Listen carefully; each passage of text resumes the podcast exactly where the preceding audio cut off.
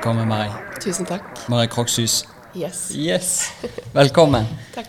Jeg kjenner deg litt gjennom eh, vår felles bekjente, Trym. Og jeg følger litt med deg og har sett deg på Zoom, men aldri i levende livet. Så jeg er veldig Nei. glad for å se deg. Like med det. Og nå sitter vi her og venter på 30 varmegrader på klinikken. Ja. Og skal snakke litt om deg og de gøye tingene du holder på med. Jo. Jeg er veldig spent. Men før vi kommer til alle de gøye tingene, Ja. bare litt om deg. Hva, Er du fra Oslo? Jeg er fra Kolbotn opprinnelig. Ja? Tårnåsen. Eh, bodde noen år i Bergen eh, som barn. Oi, det er ja. bra. Ja, har det. Ja. Har det. Eh, og så eh, Oslo eh, og Danmark i voksen alder. Ok. Ja. Ja. Så de to stedene. Og så flytta vi da til Kolbotn eh, i fjor høst. Ja. Fra Oslo til Kolbotn. Ja. Hvor gammel er du sånn cirka? Jeg er 34. Oi, det er jo perfekt alder. Ja. Jeg er jo akkurat kommet i gang. ja. Jeg håper det, da. Ja visst. Hva er det du driver med til vanlig? Jeg eh, driver et selskap som hjelper eh, norske kvinner Ja? som eh, fortjener så inderlig hjelp, fordi at det er eh, mye rar informasjon og utdatert informasjon der ute vedrørende helse. Ja, helse, ja. Og det er alle aspekter av helse, eller er det Ja, eh, det er eh, min sånn eh, Mitt eh, fag da, som, eh, som jeg brenner mest for, det er jo ernæring. eh, som egentlig har vært en greie for meg hele mitt voksne liv. Ja. Um, så det er det jeg liker best å nerde på. Ja. Det er uh, vitenskap innenfor ernæring. Uh, hva er det som uh, Det kommer jo nytt hver eneste måned, nesten. Ja. Og ernæringsvitenskapen er jo også veldig ny. Og det er lett å glemme noen ganger at vi har jo faktisk bare vi har jo bare forskning fra de siste ja, maks 50 årene. Ordentlig forskning, i hvert fall. Ja. Så i forhold til eh, evolusjonen vår som menneske, så er jo det veldig lite tid. Det er sånn ingenting. Det er ingenting. Nei. Så det er veldig um, Det er veldig farlig å tenke at, eh, at den er satt, da. Ja. Det, det ser vi eh, med alle de kvinnene som vi hjelper. Så er det et resultat av at vi er ekstremt opptatt av hva vitenskapen viser oss fungerer. da. Ja. Eh, og, eh, og selvfølgelig har jeg verdens beste team som, med oppfølging og sånne ting. Men, eh, men vitenskapen er liksom i forsetet i selskapet vårt. da. ja. Ja. Men det er ikke bare deg, du har en hel gjeng med deg. Jeg har masse, masse kollegaer som er så flinke at eh, jeg har ikke ord. Å, så deilig. Ja, veldig. Ja. Eh, men når du tenker også da på eh, hvor liten tid ting ernæringsbiten har, så har jo ernæring vært hele menneskets liv. Mm. Ja, det er akkurat det. Eh, men det er jo kanskje nå at eh, vi får prøvd ut Vitenskapen er jo ny. Ja. Hvordan vi skal forklare alle mulige ting. Ja. Eh, og så er det jo sikkert også litt sånn eh, mye barnesykdommer med vitenskapen for å klare å få ting til å passe inn i det eh, rigide systemet som Mm. Kanskje er satt. Er det litt av det du prøver å finne ut av? Å kunne bruke det systemet til å vise til det som kanskje evolusjonen har vist oss allerede, eller? Ja, altså jeg prøver å egentlig bare holde meg til PubMed, på en måte. Ja. Eh, for dette, det, mm, det er greit å forklare. Altså, jeg, jeg bruker noen gang de argumentene at eh, når, når det er um, hvis, vi, hvis vi har en folkesykdom da, som har vært her i 50 år, eh, og vi har og vi skylder på en ernæringsbit i forhold til det, eh, så kan vi ikke skylde på noe som vi da har spist i en million år, på en måte. Eh, så det snakker jeg om som blir mer, mer sånn um, observasjonsstudieaspekter på det. Men også så er jeg veldig, egentlig mest glad i å bare referere til vitenskapen på det. Ja. Fordi vi har veldig mye på det. Eh, og f.eks. dette med å skylde på rødt kjøtt for at vi har hjertesykdom nå de siste 50 årene, når vi har spist rødt kjøtt i hele, vårt menneske, i hele vår menneskealder, Ja. eh, så er det veldig fint å bare bruke de studiene vi har. Ja. Eh, for har, vi har jo veldig dårlige observasjonsstudier som ikke har tatt hensyn til masse, masse, masse faktorer. Eh, som viser at rødt kjøtt er farlig for deg. Mm. Eh, så når jeg forklarer de studiene og hvordan de overhodet ikke viser at rødt kjøtt er farlig for deg, Ja. Ehm, og når vi har da gode kvalitetsstudier som viser at rødt kjøtt ikke er farlig for deg, så er det Jeg liker bedre å bruke det, da. eh, for å forklare kundene mine at eh, det er viktig for deg med rødt kjøtt pga. Fettet, mineraler, fettløselige vitaminer. Alle de tingene som er Altså ernæring er jo mer enn fett, proteiner og karbohydrater. Ja. Eh, og kalorier, ikke minst. Oh yes. Ja. Ja. Så eh, det, det mangler, da, i den er- ernæringsallmennlige kunnskapen. Eh, Det er liksom bare kalorier, karbohydrater, fett. Og så tror man liksom at det er det som teller for at man skal få god helse eller gå ned vekt, men så er det jo overhodet ikke det. Nei. Nei. Fantastisk. Ja. Så her er det jo så mye å ta av allerede. Ja, Men hvis vi bare hinker tilbake igjen, Mm. hvorfor ble du så interessert i alt dette? Um, jeg har alltid vært en sånn uh, hvorfor det, hvorfor det, hvorfor det? Ja? Uh, fra barneskolen av. Så jeg skulle liksom ha svar på ting hele tida. Var det irriterende for de rundt deg, eller gikk det greit? Eh, jeg tror det var irriterende for lærerne. eh, for jeg var sånn enten-eller. Enten så skulle jeg forstå det, eller så dreit jeg i det. Ja. Så jeg var litt sånn bakerste rad-type. Ja. Ehm, men eh, jeg var sånn, hvis jeg var interessert i det, så brydde jeg meg veldig mye. Men hvis jeg ikke er interessert i det, så, og sånn er jeg enda. Det er sånn enten-eller for meg. Ja. Eh, så enten så dypdykker jeg ned i det, og så lar jeg alt annet være. Eh, eller så gjør jeg det ikke. Så, men det starta egentlig alltid hatt en sånn med trening og ernæring, selv om jeg ikke liker å sette de i samme greie, for det er to helt forskjellige ting. Eh, alltid vært interessert i det som, som barn og sånn. Men det starta egentlig ordentlig da jeg eh, studerte ernæring, og så skulle jeg skrive en eh, semesteroppgave, heter det. Dette er så mange år okay, siden. ja. Semesteroppgave om vitamin D. ja. Um, Det er jo i veien for tiden. ja, ikke sant? Ja. Og da begynte jeg å dypdykke, dypdykke, dypdykke, fordi dette er jo noe jeg var og er interessert i. Og da skjønte jeg jo at det vi lærte, var jo uh, ikke helt uh, oppdatert. Ja. Så da begynte jeg å skjønne at oi, det jeg lærte på skolen, um, var kanskje ikke helt sant. Nei. Og når du først innser det, da er det mange hull å dykke ned i. ikke sant? Daisy. Ja. Yes. Og så fortsatte det med da eh, Som kanskje er mitt hjertebarn fremdeles, og det er dette med kolesterol og hjertekarsykdommer mettet fett og kjøtt. Ja. Eh, Så skrev jeg bachelor om det. Ja. Eh, og da var det jo bare Da skjønte jeg jo at det er ingenting som stemmer lenger. Nei. Så um, eskalerte skalerte det egentlig etter det. Så etter det så har jeg bare fortsatt å hele tiden holde meg oppdatert på vitenskapen og syns bare det, er, det faget er dritgøy, da. Ja. Ja. Når startet du businessen din, da? Det er lenge siden. Um, ja, jeg starta for meg selv da jeg flytta tilbake fra Danmark til Norge. Um, når var det, da? I 2013, Ja. kanskje. Um, så det selskapet jeg eier nå, det ble oppretta i Ja, det ble faktisk oppretta i 2013. ja. Ja. Ok. Så akkurat det selskapet Før det så drev jeg for meg selv, men altså akkurat med mitt AS nå og sånne ting, så er det fra 13, da. Ja. Ja, så det er jo åtte. Når du var i Danmark, og drev, da drev du på for deg sjøl? Da hjalp du én til én, eller? hva? Nei, da var jeg litt sånn eh, naiv, ung, eh, blond, holdt på å si, attpåklatt eh, med en jeg var sammen med der, som drev et stort selskap. Oh, ja. Eh, Så han drev et stort selskap som produserte kosttilskudd. Ja. Eh, Så da kom jeg inn, og så um, eh, produserte jeg kosttilskuddene, faktisk slankepiller. Eh, ja, og vi leverte til hele verden. Ja. Eh, høy omsetning, og, og da skjønte jeg jo det at dette her er jo bare lureri. Ja. Um, men det lærte meg i hvert fall at uh, slankepiller ikke fungerer, da. ja. Hva type var det? Eller Eh, Jo, det var ikke noe sånn farlig. Teknologien, holdt på. Ja, nei, det var grønn kaffeekstrakt. Ja. Så det var bare sånn naturlig greie. Men jeg likte ikke helt måten det ble gjort på i forhold til markedsføring og sånne ting.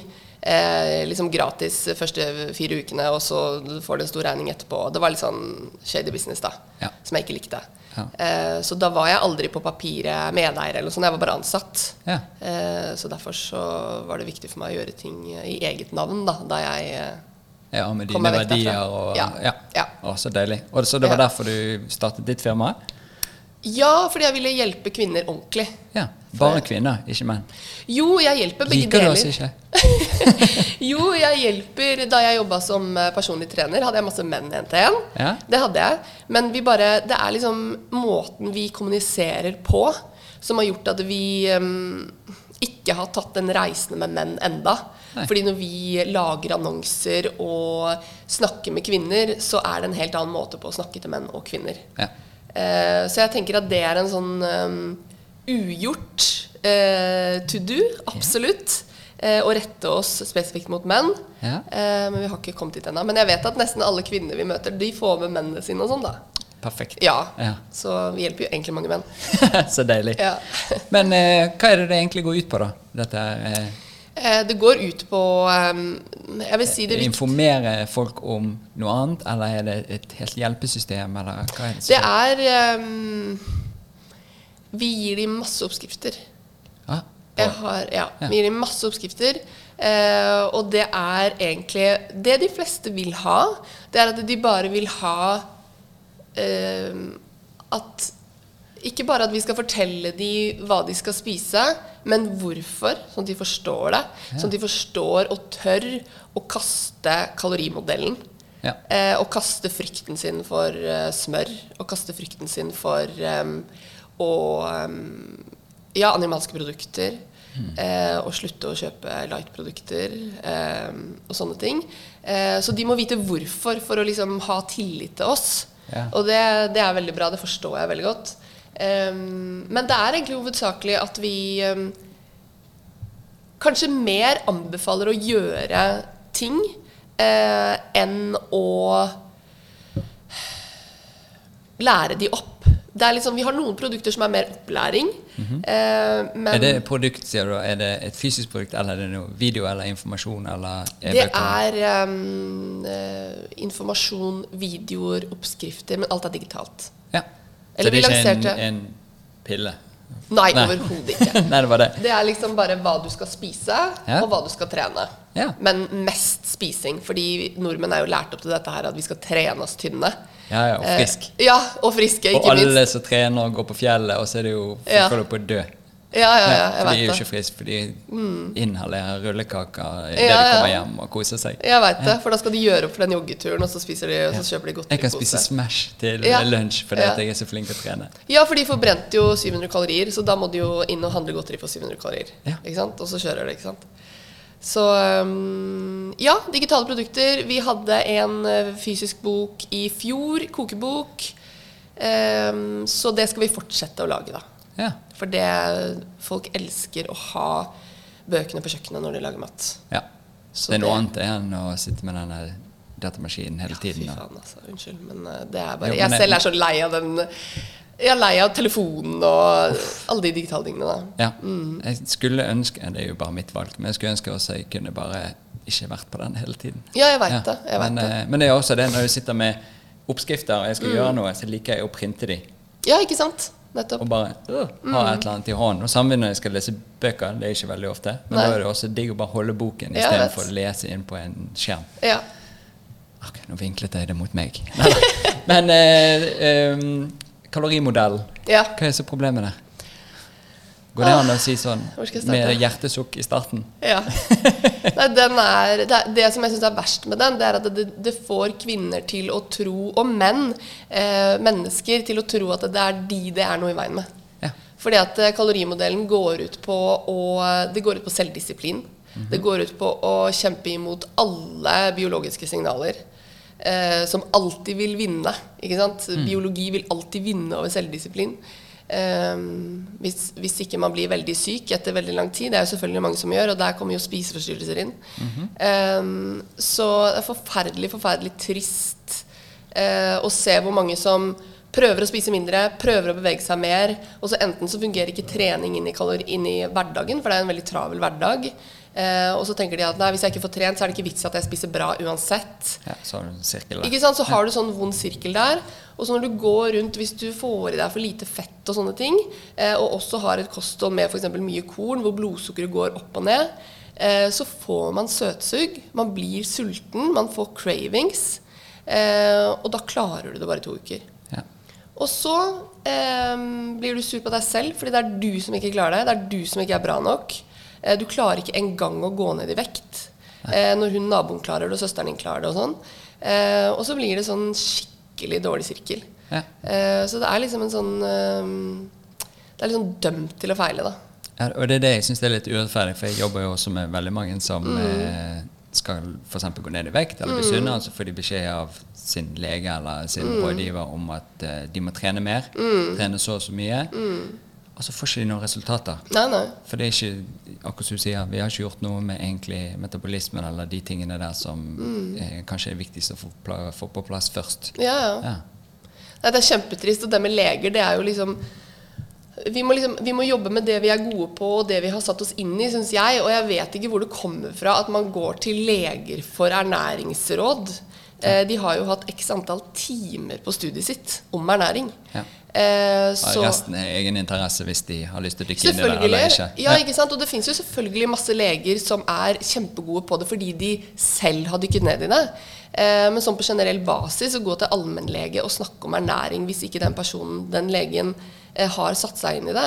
Eh, det er veldig farlig, og det synes jeg Jeg vet ikke hvem jeg skal skylde på, på en måte. Fordi vi er vokst opp til at autoritære personer det er nesten sånn uansett hva de sier, så skal man bare høre på det de sier. Eh, men jeg syns jo også at vi som fagpersoner, enten det er eh, meg eller en lege eller en fysioterapeut, at vi må også stoppe opp og si 'dette er ikke mitt felt'. Ja. Uh, og si at, og jeg kjenner Det er mange leger som, for eksempel, som sender de til meg. Ja. Og det er jo mye bedre. For det er sånn, ok, jeg kan ikke ernæring. Jeg hadde ti timer på legestudiet om ernæring. Eh, og det gjelder jo med Vi skal ikke starte på kolesterol og statiner og, og det de får vite der. Eh, men eh, det er mye bedre da enn å liksom sette de på en sånn tren mer og ikke spis fett-modell. Ja. Her for det er det bare noe som har festet seg, og så er ikke det nok egentlig til å skjønne det hele store bildet. Men er ikke det sånn at vi egentlig er enige om den der eh, modell at den ikke funker lenger, med en superforskning som kom for noen år siden? Sa All forskning viser at det ikke ja, ok. Nydelig. Jeg bare fikk et sånt inntrykk at nå kom det forskning som bare sa Slapp av, folkens. Det er sånn det er. Ja. Så slutt å rote med det der eh, Ja. Kaloriopplegget. Ja, nei, det er så mye forskning at eh, Ja, som viser det helt motsatte. Men eh, å få et helt sånt eh, en, Et statssystem, da, som jo Helsedirektoratet er, Ja. eh, den har jeg personlig gitt opp. Fordi jeg ser hvordan det kjører. Jeg ser hvem som sitter i disse Ernæringsrådet, da, som ble gjenopprettet nå for noen år siden, som var en greie før, og så ble det gjenopprettet igjen, og så sitter det liksom Ja, jeg skal ikke begynne å nevne navn, men eh, Og sitter og tar de vurderingene som de gjør i forhold til mettet fett, Ja. så er det bare sånn Fint, er det sånn det er? Eh, jeg får prøve å hjelpe de jeg kan hjelpe. Um, for jeg snakka jo med noen som sitter i det rådet, som vurderte mettet fett på nytt for noen år siden. Ikke mange år siden. Så spurte jeg han hvordan kan du stå inne for dette her? eh, når dere ikke har en eneste referanse som faktisk har harde utfall, da, som ikke bare måler i eh, sånne mellomfaktorer som kolesterol og sånne ting. Eh, så sa han jeg kunne ikke stå inne for det, så jeg sa takk for meg. Han bare stakk av? Ja. Ja. Så det er liksom Det går ikke an å ta den kampen heller, på en måte, i den, uh, i den settingen. Nei, nei, nei, det gjør ikke det. Så det er, det er ganske krise hva, vi, uh, hva som er sannheten med tanke på ernæring, som sitter igjen fra noe helt ræva studier på 70-tallet, 60-tallet. Um, det er ganske krise, og det, det skader veldig mange mennesker. Ja, det er vel det vi ser, at kanskje når vi endrer en del av de tingene, så eh, kan vi hjelpe på hovedproblemet i dags, eh, dagens samfunn Ja. med alle de underliggende tingene, Ja, og eh, egentlig en superepidemi blant folk. Ja, absolutt. Men vet du hvor hele ideen til dette, denne oppfatningen av hva som er bra og ikke bra, kommer fra? På 60-tallet? Ja, hvis vi, hvis vi tar den her store greia som er dette med karbohydrater, fett, eh, mettet fett, sukker Altså Vi har jo heldigvis kommet til det om at eh, De sier i hvert fall også at sukker er bad, men, men det som gjør at eh, Det som gjør det farlig, det er jo det at de sier at f.eks. at nei, ja, du skal ikke spise så mye sukker, men det handler egentlig mest om eh, kalorier. Eh, ikke sant? Og da, Jeg vet ikke hvor jeg skal starte engang, men da, da har du enda Da er det enda greit, hvis du skjønner, Ja. eh, med sukker. Og vi vet jo det nå i ettertid at det, for mange tiår siden, da man skulle, da de begynte å forske på hvorfor eh, det, ble, det ble jo plutselig hjertesykdom i den vestlige verden for noen tiår siden. Ja. Skulle de finne hvorfor. Eh, og vi vet jo det nå at det var eh, at brusindustrien betalte seg til at det var mettet fett som fikk skylda. Ja. Ikke sant? Um, og når vi vet det i dag, så er det sånn Da burde vi egentlig gått tilbake og starta på nytt. Uh, med tanke på anbefalingene. Ehm, men uh, det er ikke sånn det er. Det er veldig mye Altså Matindustrien er undervurdert. Den er, Ja, er Undervurdert som eh, hva, Hvor mye makt den har. ja. Ja. Det er Eh, vel de største firmaene og rikeste folkene i er verden det. det. sitter jo på, på den sekken der. Og Coca-Cola ville aldri vært så stort hvis ikke det var for kalorimodellen. Nei. Um, for at det, så lenge de refererer til kalorimodellen og sier at det er viktig å bevege seg eh, og ikke innta mer enn én cola om dagen, så kan de selge så mye cola som de gjør i dag. Helt fantastisk. Ja. Og det som jeg syns, akkurat som du sier, det er litt vittig, for det, selv når vi vet dette, og folk innrømmer at de vet det, de som sitter og skal si noe og holder seg til kalorimodell, og mm. sukker ikke er kanskje den beste greien å ha veldig mye av i løpet av en dag, og så har vi nå fått billigere brus. Ja, ja, Eh, Det ble litt, eh, jeg ble, ble litt sånn slapp i kneet, Ja. kjente jeg. Men jeg, jeg syns at folk skal Vi må slutte å bruke regjeringen vår som, som helse, helsekilde. Altså det, liksom, det går ikke an. Så jeg, jeg tror folk må liksom ta et steg tilbake og se på de tingene som skjer, også med tanke på nå at det blir billigere brus.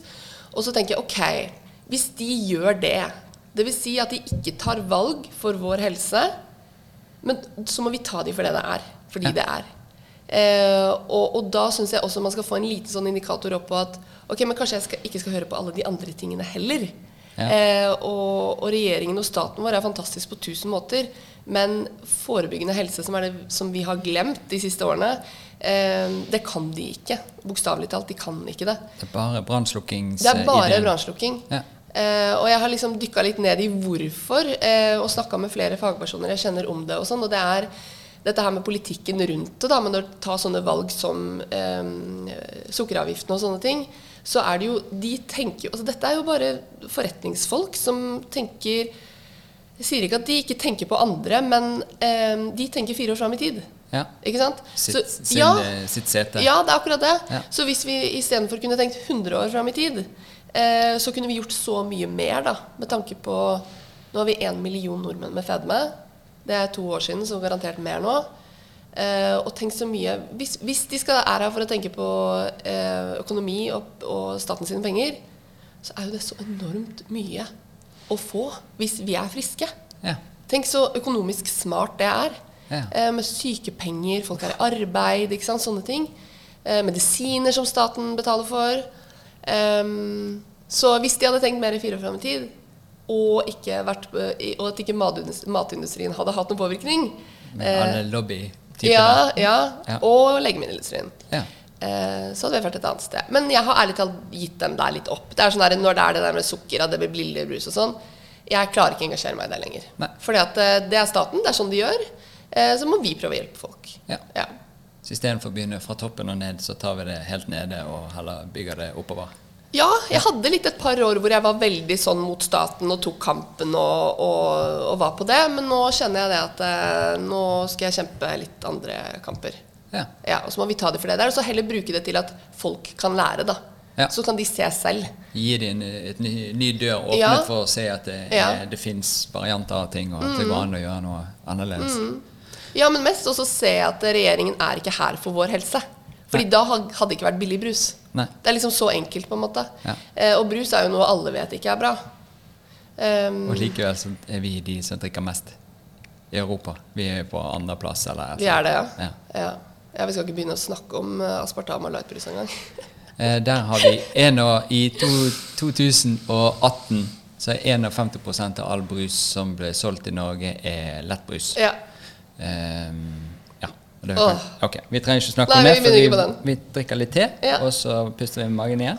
men, ehm, men når du hjelper folk, da, det, for da, det, da får vi de til å skjønne Ok. Jeg har jo også en del pasienter som har hatt spiseforstyrrelser og Mm. Ja. Mm. har det fortsatt. Eh, og en hovedgreie der er at de er livredde for fett. ja. Og det syns jeg er så trist. Jeg vet. Fordi at det er jo helt fantastisk energikilde. Ja. Og varer dobbelt så lenge som Ja. alle mulige andre energikilder vi putter i oss.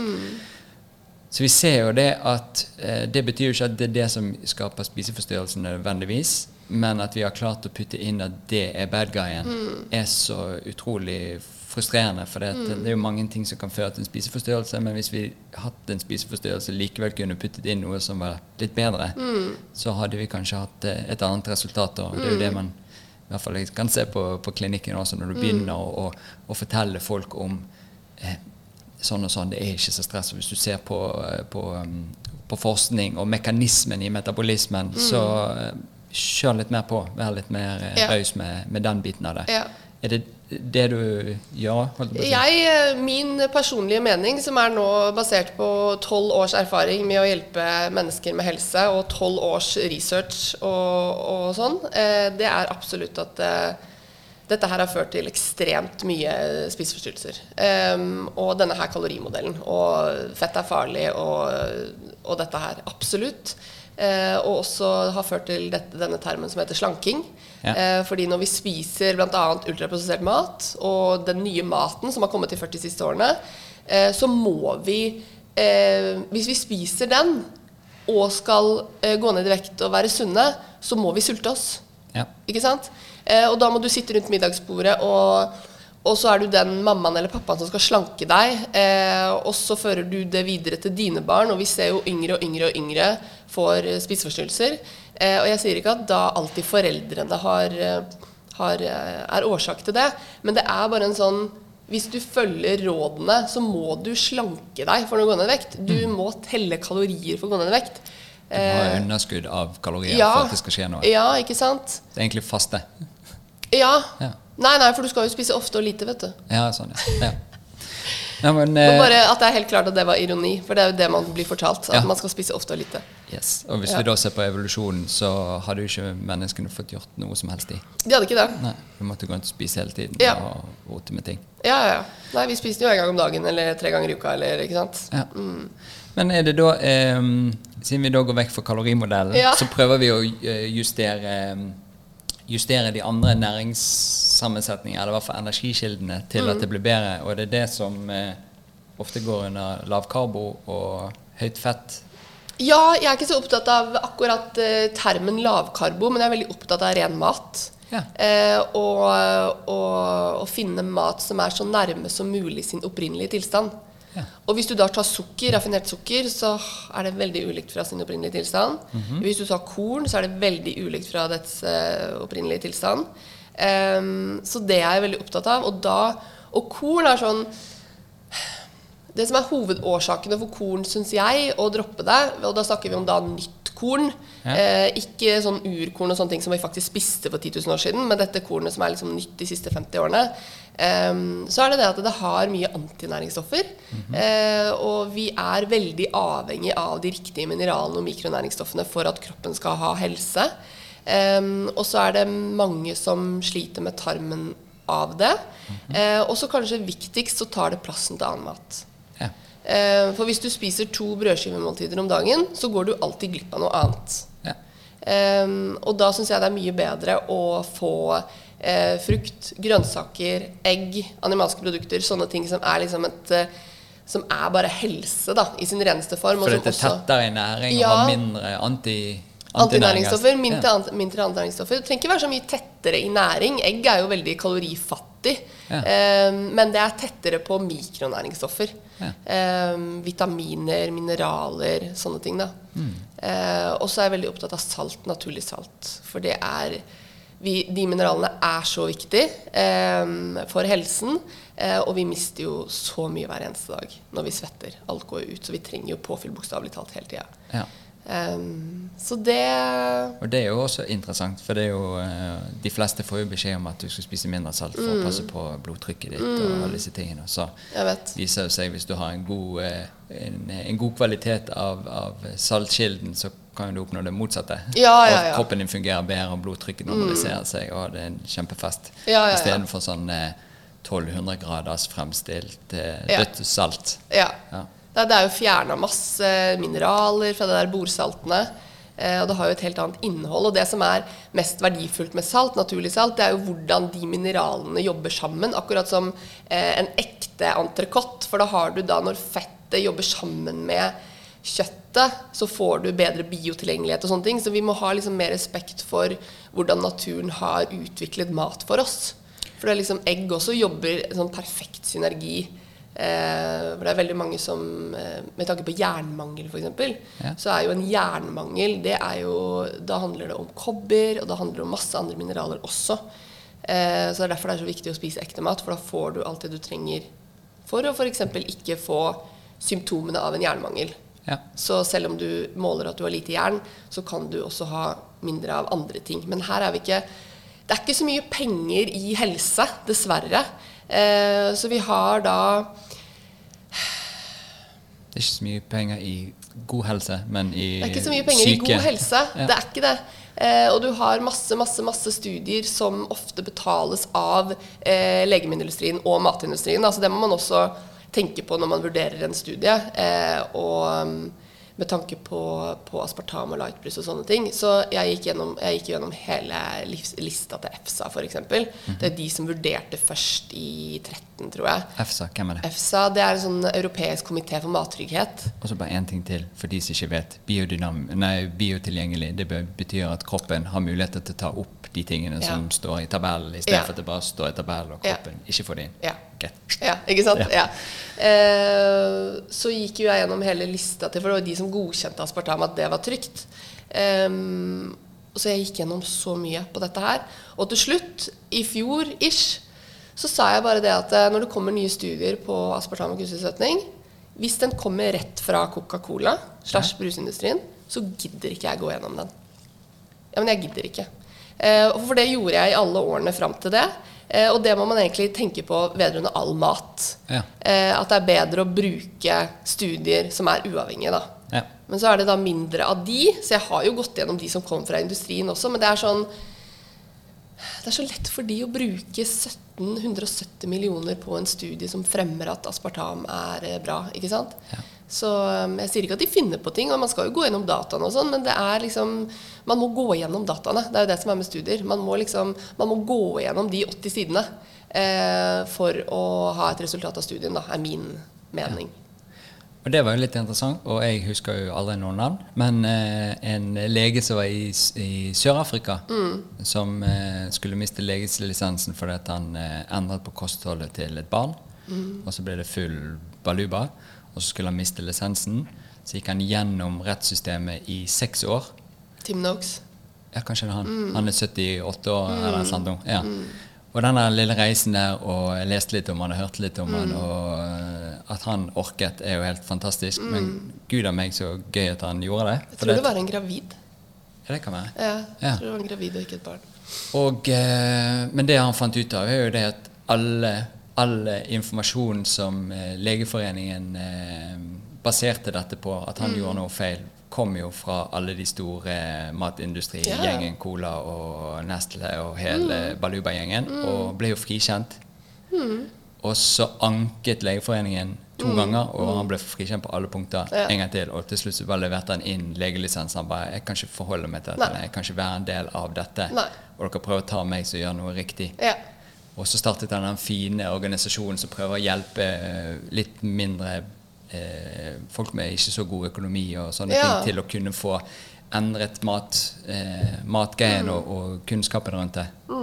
Jeg syns det bare var så nydelig, og det er vel det du dykker inn i. Det er lett Ja. å henge oss på de store studiene, Mm. men hvis man da eh, leter tilbake hvor de egentlig kommer fra, så Mm. er det kanskje noen som har en annen interesse. Og som du sier, det betyr jo ikke at de lyger. Det er bare at vi har en interesse. Samme som jeg står opp om morgenen og skal noe. Eh, så det er større sjanse for at jeg finner gode ting for at jeg skal komme til, til målet. Ja, ja, ja. Nei, det er helt eh, Altså, korrupsjonen er så drøy at jeg skal ikke begynne å snakke om det engang, for det blir for mye for folk å håndtere. Altså, det er liksom Vi, vi lever i en sånn verden hvor eh, alle er snille og ønsker det beste for oss og ønsker helse, og det, det er dessverre ikke sånn det er. Eh, det er så mye penger som styrer. Eh, så follow the money, det gjelder i hele verden, uansett fag. Ja. Eh, det gjør dessverre det, altså. Det gjør det. Ja. Hva er det videre, da? Du hjelper mange. Mange er fornøyd. Hva er det de er fornøyd med? De er fornøyd med at eh, de får det bra. Ja. De får energi, de har det bra med seg selv, de går ikke sultne, de har ikke søtsug. Um, de, de som ønsker å gå ned i vekt, de går ned i vekt Ja. uten at de ofrer noe. Eh, de får bedre fordøyelse. Det er veldig mange som har dårlig fordøyelse. Um, ja, det er liksom alle helseparametere, egentlig. Fordi eh, helse og vekt går jo hånd i hånd. ja. Så det er liksom alt. Jeg ville Ja, for det er veldig mange som tror at vekt Eller vekten ser jo ut som bare et symptom på at kroppen ikke har det helt ok med Mm. de tingene vi putter inn, eller de tingene vi gjør. Eh, mens ofte så er jo fokuset for å gå ned i vekt istedenfor å bare ha det bedre. Mm. Og så kommer vekten når den skal. Uh, og den ideen syns jeg også er litt gøy for folk, for det, man, vi er ikke lært opp til det. Sånn som du snakket om i sted, dette med slankekurer og, og disse tingene. Sant? Fokus er jo helt feil. Ja, ja, ja. Er Gjør deg frisk, Ja. og så kan vi eh, få godene av at eh, huden din blir digg, og Ja, ja, at du ikke ser ut som en deig og alt mulig sånt. Og det er lov å se ut som en deig hvis du vil. Ja, 100 Ja. 100 Men uh, hvis ikke du er keen, så kan det være starten med at uh, maskineriet i hvert fall funker som det skal. Ja, det er akkurat det. Også dette her med søtsug og cravings og overspising og sånn, det er jo en stor faktor i fedmeepidemien. Eh, Så derfor er jo salt og fett f.eks. veldig viktig for å unngå søtsug, for å unngå eh, lite energi, for å unngå cravings, for å unngå overspising. Eh, så når du får i deg Så det er jo f.eks. veldig viktig med tanke på ja, søtsug. Ja. Eh, og få i deg nok salt. Eh, så ekte mat, altså det fins ikke noe viktigere. Nei. Og det er jo vittig også, for det er jo ikke nødvendigvis en eh, lett ting å oppdrive selv i et deilig land som Norge og finne superkvalitet, men vi kan i hvert fall finne maten og sette det sammen mm. sjøl. Ja. Eh, ok, det blir en helt annen greie, Ja, men det er ja. bare hvordan matbutikkene også er bygget opp, Mm. og eh, dette med ja, Det er så mye greier der Ja, det er så at vi orker ikke, kjente det orker ikke. Nei, jeg vet. Men hva skal du gjøre videre nå, da? Skal du eh, bare fortsette i Norge, eller skal du gjøre andre ting andre Nei, steder? vi har um... Skal du ta verden? Jeg vet ikke om jeg skal ta verden. Um, vi har faktisk lansert i uh, Vi skal lansere våre produkter i USA eh, denne måneden. Uh, og så samarbeider vi med em, en eh, superflink kollega som, heter, som har hjulpet meg personlig, som heter Sadie Lawler. Som driver med hyperpressiv trening. eh, så vi holder på å samarbeide litt med tanke på å hjelpe flere eh, i verden. Eh, så det er planen videre. Å hjelpe flere. Det gjør vi. Og så Planen videre er å fortsette sånn som vi gjør, men jeg merker jo også at for eksempel det siste altså Jeg har jo alltid vært opptatt av eh, sannheten. At det ikke skal være sånn Og at ting skal være rettferdig. Eh, og det er sikkert derfor jeg er så opptatt av dette. For det er urettferdig at eh, legemiddelselskaper som skal selge kolesterolsenkende medisiner og blodtrykkssekkende medisiner, eh, skal påvirke at vi ikke skal spise egg og salt. Ja. Jeg syns det er urettferdig, eh, og det er sikkert derfor jeg er så opptatt av det. Eh, og sånn som jeg har sett at verden har blitt de siste halvannet årene, eh, så merker jeg også at jeg liksom søker mer og mer mot eh, at det sannheten i forhold til helse er viktig. også når det plutselig er helt andre ting enn ernæring som påvirker det bildet, verdensbildet, så blir jeg opptatt av det også. Ja. Eh, så jeg har, jeg har litt lyst, jeg har en sånn greie i magen om å om å kanskje prate litt mer om det. Med sånn sannhet og helse i verden eh, som også ikke handler om ernæring. Da. Um, så det har jeg veldig lyst til. Jeg kjenner at det er litt sånn calling. Ja. Um, det har jeg lyst til, men fortsette å hjelpe kvinner og menn, uh, Norge, verden. Absolutt. Det gjør meg høy, rett og slett. Ja, uh. Ja, og de fortjener det. Det er jo så trist. Ja. Um, og så Ja, vi som familie flytter til Spania uh, på mandag om to dager.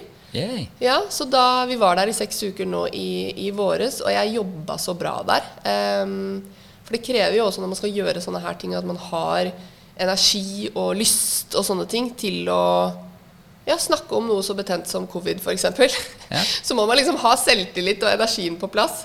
Ehm, så det fungerte veldig bra for meg som eh, For oss som familie fungerte det veldig bra. Jeg har en sønn på to og et halvt. Men for meg som fagperson og bedriftseier så fungerte det veldig bra. Ja. Eh, så da følger vi det nå. Og så har jeg en liten sånn tro om at det vil gjøre at jeg kanskje kommer til å prate mer ja. om tingenes tilstand. Ehm, eh, for jeg tror verden holder på å endre seg, eh, og det er en bra ting. Ja. Så jeg tror at jeg må følge det og må prate mer om det. Det er det jeg eh, er litt fascinert av. For jeg har jo bare snakket med deg litt før, Ja. og nå er du her. Kjempegøy.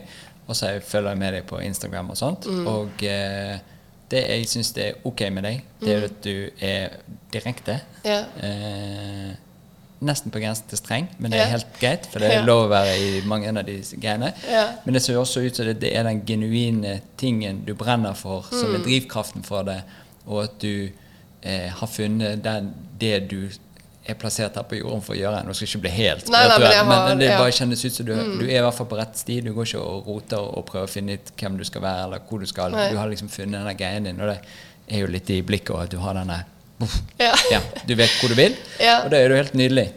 Eh, uten at vi oppgir adresse, men hvor i, sånn cirka i Spania er dette? Eh, vi skal flytte til Kalpe. Jeg har ikke peiling på hvor Nei, det er um, i midt, på kystlinja. Ja. uh, så er det i midten. Så det er en halvtime nord for uh, Albir. Det er en veldig sånn norsk by. Okay. Uh, og der bor min beste venninne, faktisk, i Albir. Ah, ja. Så hun har bodd der de siste fire årene. Um, så, men hun er, de er liksom frem og tilbake med Norge og sånn, altså vet ikke helt hva de kommer til å gjøre, men de kommer til å være der en del. Uh, og så er det en og en halv time sør for Valencia. Det ligger også på kystlinja der. Ja. Så det er Costa Blanca. Ok. Ja. Eh, solkystlinjen i Spania, liksom. Å, så deilig. Ja. Veldig fin by. Veldig sånn Vi hadde ikke lyst til å flytte til sånn Norge 2. Det ville vi ikke. Det er veldig mye bra ting med det. Og sønnen vår gikk i barnehage der nå i vår, i, ja. i Albir. Og der har de jo norske barnehager og norske skoler og sånne ting, så det er veldig praktisk. Perfekt. Eh, men vi ville ha litt mer den der spanske. Autentiske. Ja. Eh, så der er det ingen nordmenn eller sånn, i hvert fall som jeg vet om. Sikkert noen, men en liten by. Veldig sjarmerende. Fin natur, fin strand. Eh, lite engelsk, sånn at vi planen er å lære oss spansk. Oi. Og sende sønnen vår i spansk barnehage. Ja. Så ja. Åh, så deilig. Mm. Er det et stort sted, eller? Eh, byen Ja. jeg lurer på, Nei, det er lite. Jeg lurer på om det er sånn 25 000 innbyggere eller noe sånt. Perfekt. Mm. Ja. For det er jo det man kan merke når du bor i den kjempestore byen Oslo, Mm. som ikke er så stor, men er stor nok, er jo det at det er jo mye å forholde seg til i løpet Ja. av en dag. Ja, Og det jeg er kan tenke meg det når du skal inn og dykke og fortsette på noe, utvikle noe. Dette, og Ja. Nesten som å, å være kunstner og bare gå inn i, eh, i rommet sitt. Jeg skulle til å si det vanskelige ordet, men jeg klarer ikke det. Artilleri. Ja, ja, Ja, ja. takk. ja. Og så komme inn i denne flowen og, Ja. og kunne være i dette her og bare uff, Ja. få det til istedenfor alle de her små forstyrrelsene vi klarer å Ja. dra på oss hele tiden. Absolutt. Er det den du følte når du var der? Ja, fordi kulturen er litt annerledes eh, her i Norge, og det kjente vi på Dette er jo vårt første barn, og vi kjente det på veldig, for han begynte i barnehage i fjor høst. Eh, og da kjente vi på denne her norske barnehagehverdagen. eh, hvor det er liksom opp om morgenen, barnehage, hente barnehage, eh, spise middag. Eh, eh, så skal barnet legge seg to timer etterpå, og så Altså, det bare det, det er så, Og folk har det så travelt. I hvert fall de som har, altså Alle har det travelt. Men også hvis man har liksom venner med barn, og sånne ting, så går det nesten ikke an å finne på noe mandag til fredag. For da er alle i den her klemma eh, med jobb og sånne ting. Og så kommer helga, og så har man 900 planer, Fordi da skal man ta igjen for alt man ikke gjorde i hverdagen. Ja, så det er det styret òg. Ja, det var liksom sånn eh, jeg, Altså, det er ikke noe negativt med det, men det var bare en litt sånn Oi, for oss, da. Ja. Eh, hvordan det var. Og vi er jo veldig sånn eh, Vi venta lenge med han i barnehage, og vi har, han har eh, ikke fulle dager i barnehagen og sånne ting, så vi er mer fleksible på den måten. Men allikevel så ble det bare en sånn Vi merka hvordan samfunnet er bygd opp, da. Ja. Eh, det norske samfunnet. Eh, og det er jo bygd opp etter å jobbe og tjene penger. Det er jo ikke noe å Jeg, jeg har jo jobba ekstremt mye hele mitt liv, jeg også, så det er ikke det at man ikke skal jobbe hardt. Men eh, det er bygd opp rundt det. Ja. Eh, mens det er jo ikke sånn i hele verden. Eh, så i Spania så er det liksom mer sånn Jeg klarer ikke å forklare det, men det er liksom mer sånn litt sånn chill. Ja. man går ut og spiser på en tirsdag og liksom og de, eh, også sånn som vi gjorde det der, for vi er veldig glad i å gå ut eh, om kvelden og gå ut og ta en middag og sånne ting. Og så har jo vi toåringen vår som skal ha tolv timers søvn i døgnet. Så da bare tok han en napp på ettermiddagen. Så vi gikk sånn at vi gikk ut og spiste på kvelden. ikke sant? Ja. Sånne ting er veldig vanlig i Spania, da. Ja, ja. Og så ha med seg hele familien Ja, også på kvelden, sant? selv om det er forbi leggetid. Ja. norsk leggetid. Ja. Ja. Så er det selvfølgelig klima som har eh, noe å si. Jeg elsker eh, sol og, eh, og bade og alle de tingene der. Og det gjør det jo også lettere å finne på noe en tirsdag kveld og torsdag kveld og sånn. Ja. Eh, så jeg vet ikke, jeg klarer ikke å forklare det, men vi kjente at det var bra for oss nå. Eh, men litt sånn annen hverdag, rett og slett. Ja. Eh, og det er jo Ja. Ikke noe kritikk mot noen, men eh, vi bare hadde ikke opplevd det før. Fordi vi hadde jo ikke hatt barn i barnehagen før. Nei. Så det ble liksom sånn Ok, og så tiden går så fort. Veldig fort. Plutselig har det gått liksom et år. Så bare ok, hva gjorde vi? Så vi har lyst til å skape litt minner. Ja. Ehm, ja. ja. Og Da er det perfekt å ta ned tempoet litt, så Ja, man? Mm. faktisk kan huske min og hvis det skjer noe, et eller annet. Men er det vanskelig å få boliger og sånt der, og, eller, har det, eller hvordan ser oppi mitt hode Mm. Jeg og Kjæresten min Marte de hadde et hus i Frankrike, Ja. og det var helt perfekt. Ja. For der var det eh, hekk rundt, og så var det et badebasseng og en hage, og der var vi hele tiden. Ja, men det er akkurat sånn hus vi har funnet. Åh. Kan, kan du, oi, kan du sende bilder av det? Ja, jeg kan gjøre det. Det er, så- eh, bare en stor tomt, mur, barnebasseng, stort basseng, eh, sofa, utespising, gress, eh, stor port. Så liksom, vi kan bare sende Vi bodde masse forskjellige steder når vi var der nå, da. Ja. Og bare kjenne på det at eh, når du har en toåring som løper rundt, liksom. Og så bodde vi i ett hus, og bodde vi liksom oppe i fjellene og sånn. Så bare å nei, plutselig kan han falle ned der, så kan han falle ned der. Mm. Ja. Så nå er det bare sånn Her er vi. Porter, nei, eh, mur rundt. Kan løpe den veien, men du Ja. treffer en mur, så da må du snu. Ja, og akkurat det. Ja. Ja. Og så er det sånne småting som at vi ser hele tiden bassenget når vi er inne i første etasje. Ja. Og sånne ting som betyr noe når man har små barn. da. Ja. Eh, Så det var litt sånn eh, helt perfekt. Åh, så snarere. Ja. Jeg ser det for meg. jeg. Ja. Ja.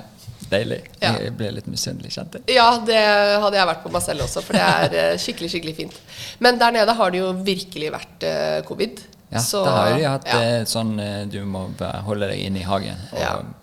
Max får lov til å snakke med en forleden. De har Ja. ni måneder innelåst. eller? Helt forferdelig. Ja. Helt forferdelig. Uff, tror du det skjer igjen, eller? I Spania? Ja. Eller har vi lært noe av eh, alt det vi har gjort nå? Tror du? For vi har jo, eh, vi har jo ikke hatt det så strengt her, men det har jo likevel vært eh, mye strengere enn vi har hatt før det var noe som helst pandemier pandemi og sånne ting. Um, og det må jo ha vi må jo ha sett over denne tiden hva det positive med var det, eh, og hva det negative var. Og ut ifra de tingene som du har fått med deg, tror du at vi hvis det kommer en ny runde, en ny bølge, som det heter eller- fjerde bølgen. Ja. Deltabølgen, er ikke det det heter? Jo. Eh, så hvis den kommer, eh, tror du vi må gjennom det samme? Um, ja, eh, jeg er um, Husk alltid å spenne meg i leggen hvis det er noe jeg, vi ikke skal snakke om. Ja, nei, det går, det går veldig fint. Ja. Eh, for jeg er veldig jeg er veldig håpefull. Jeg ser eh, spesielt de siste ukene at også media har blitt bedre. De spiller en stor rolle i dette. Um, fordi at det som skjer i verden, det står aldri om i norske medier. Nei. Så, så det er liksom Vi lever i en sånn boble. Eh, og det gjelder jo egentlig vi alltid, hvis du også bor i USA og følger mainstream media og CNN er eh, helsekilden din, liksom. Så, så er det samme greia. Ja. Eh, det, det skjer så mye i verden som ikke står i norske medier. Eh, og vi ser litt sånn drypp nå de siste ukene om at det kommer mer frem. Ja. Eh, og um,